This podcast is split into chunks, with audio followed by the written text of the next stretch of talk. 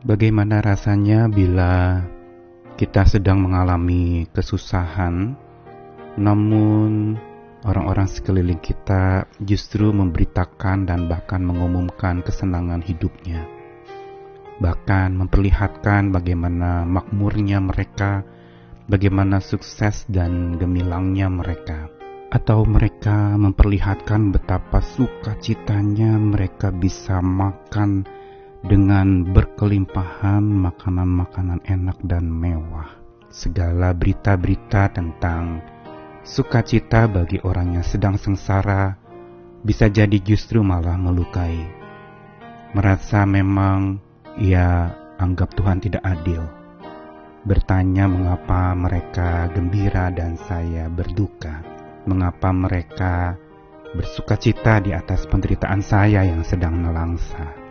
Hal semacam ini memberitahukan kepada setiap kita bahwa sesungguhnya orang-orang yang sedang mengalami kesusahan bukan sekedar membutuhkan banyak kata-kata untuk menghiburkan mereka, tetapi perhatian, sikap yang bijak, dan bagaimana menolong mereka dengan menghadirkan diri, menemani, menghubungi, dan menjadi sahabat buat mereka yang sedang kesusahan.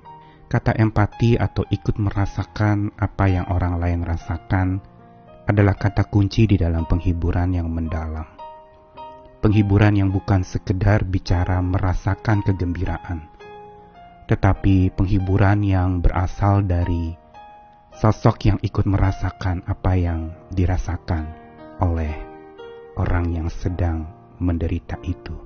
Hari-hari ini ketika banyak orang sengsara dan kesusahan, penghiburan yang dibutuhkan sesungguhnya penghiburan yang tanpa banyak kata. Saya Nikolas Kurniawan menemani di dalam Sabda Tuhan lagi yang menyapa hari ini tentang penghiburan yang dari Tuhan.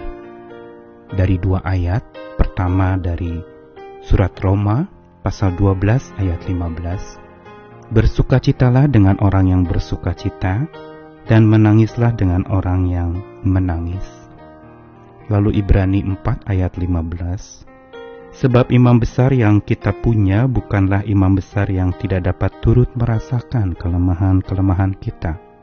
Sebaliknya, sama dengan kita, ia telah dicobai, hanya tidak berbuat dosa.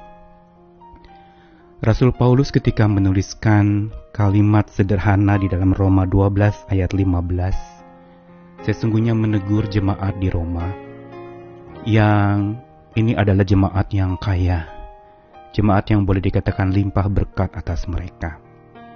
Namun Paulus mengingatkan untuk supaya mereka tidak terlalu bangga atau memamerkan kekayaan mereka, memperlihatkan betapa makmurnya mereka kepada banyak orang. Paulus sadar bahwa orang-orang di Roma tidak semuanya makmur.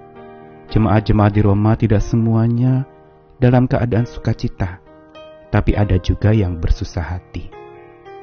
Dan karena itu, Paulus mengingatkan untuk supaya mereka bisa memiliki sikap empati itu, bersukacita dengan orang yang bersukacita, dan berduka cita, menangis dengan orang yang menangis karena duka citanya. Ini yang memberitahukan kepada kita tentang penghiburan sejati dan mendalam yang dibutuhkan oleh setiap orang yang sedang kesusahan. Dan lebih lanjut lagi, Tuhan kita Yesus Kristus yang dikatakan dalam Ibrani 4 ayat 15 tentang imam besar yang agung itu adalah imam besar yang turut merasakan kelemahan-kelemahan kita. Imam besar biasanya di dalam perjanjian lama adalah orang yang mempersembahkan korban untuk orang-orang yang berdosa sebagai tanda penebusan pengakuan dosa di hadapan Tuhan. Namun dikatakan bahwa imam besar yang bertugas itu bukan sekedar membakar korban, tetapi imam besar agung yaitu Tuhan Yesus Kristus melebihi imam-imam yang ada. Dia justru mengorbankan dirinya. Bahkan dia ikut merasakan betapa sengsara, betapa susahnya, orang yang ada di dalam dosa dan pelanggaran, ada di dalam kemalangan dan kehidupan yang penuh dengan beban berat.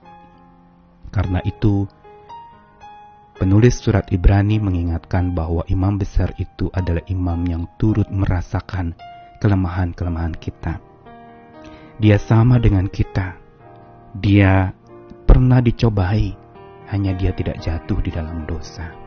Kedua ayat ini ingin memberitahu kepada kita hari ini bahwa marilah kita datang kepada Tuhan Sang Penghibur sejati yang mendalam, yang bukan sekedar dengan kata-katanya menghibur kita, bukan sekedar dengan sabdanya menyapa kita, tetapi juga dengan kehadirannya, dengan kasihnya, dengan hati yang ikut menangis dengan kita yang sedang menangis, hati yang sedang berduka dengan kita yang sedang berduka, hati yang ikut berkabung dengan kita yang sedang berkabung.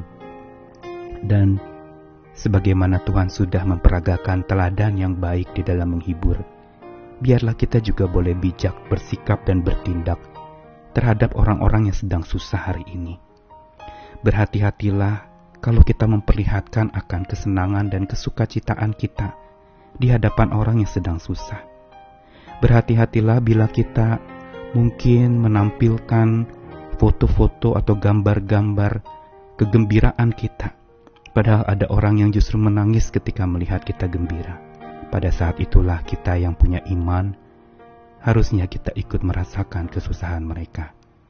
Dengan setidaknya walaupun bukan dengan kata-kata menghibur, tetapi dengan tidak memamerkan atau memperlihatkan betapa sukacitanya kita, betapa gembiranya kita, betapa bahagianya kita.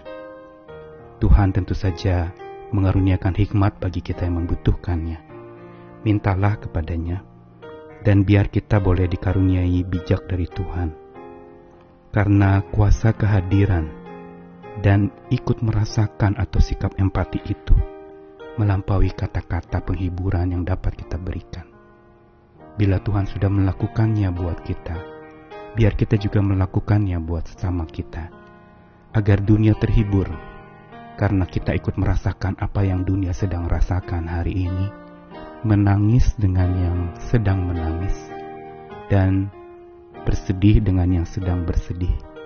Begitu juga bersuka cita dengan yang bersuka cita dan berbahagia dengan yang berbahagia.